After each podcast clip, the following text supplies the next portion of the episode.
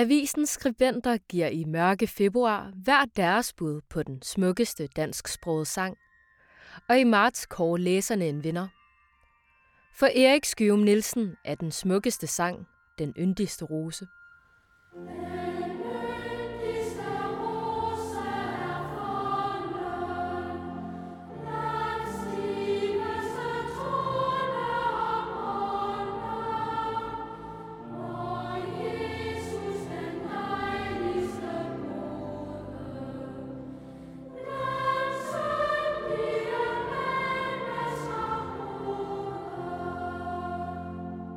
Brorsons vidunderlige salme, Den yndigste rose, var blandt de klassiske favoritter, man samlede som, da der midt i januar blev holdt sangaften på Kærteminde Bibliotek. Den bruges som regel i julen, men leverer i grunden en aldeles almen meditation over evangeliets vilkår i menneskelivets kølige, daglige virkelighed. Dette, at vi er for selvsikre og stolte til at forstå, hvilken vældig gave vi har fået skænket i Kristus – Aftenens sange og salmer var udvalgt af Knud Erik Christensen, gennem hele 41 år sovnepræst i det nærliggende Kølstrup. Han fortalte, at Johannes Møllehave en gang ved julegudstjenesten i Virum Kirke udlod den femte af de otte strofer. I sin prædiken begrundede han det med, at den var alt for streng i sin pietisme, men resultatet var naturligvis, at enhver blev ekstra opmærksom på netop de her ord. Forhærdede tisselgemytter så stive som torne og støtter. Vi holder i eder så ranke, i stoltheds fordavede tanke.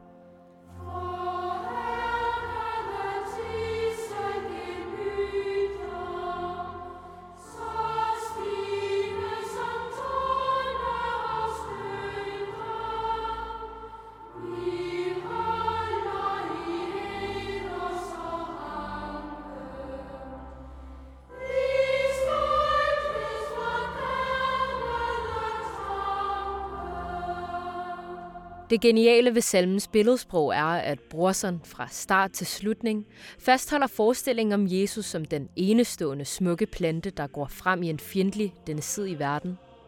Centralt er i den her sammenhæng ordet pode om en ung, frisk vækst. Her anvendt symbolsk om kvisten, der skal podes ind på menneskeslægten, for at den kan bære frugt. Det kan haveejere sagtens forstå, men konfirmander kan også, hvis de får billedet, nødtørftigt forklaret. Salmen havde i den oprindelige version i nogle julesalmer fra Tønder i 1732 11 strofer, men er i både højskolesangbogen og den danske salmebog kortet ned.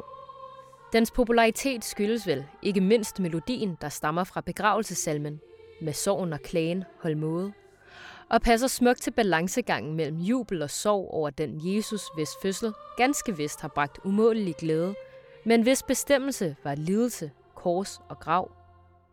I salmehistoriske værker kan man læse, at det var Grundtvig, der sørgede for, at den yndigste rose vandrede ind i salmebøgerne fra og midten af 1800-tallet. I Sønderjylland og Vendsyssel havde den aldrig været glemt. Måske fordi den i sin sødmefulde poetiske enkelhed rummer hele den kristne fortælling og ender i et personligt trosvidnesbyrd. Hvem kan synge den, og bagefter have lyst til fortsat at være et tornet tisselgemyt?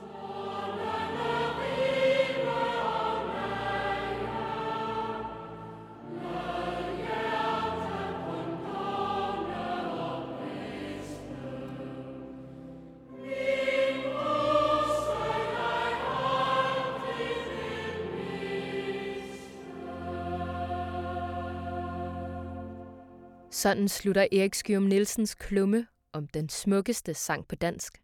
Den er læst op af Anita Torv, og jeg vil sige tak, fordi du lyttede med.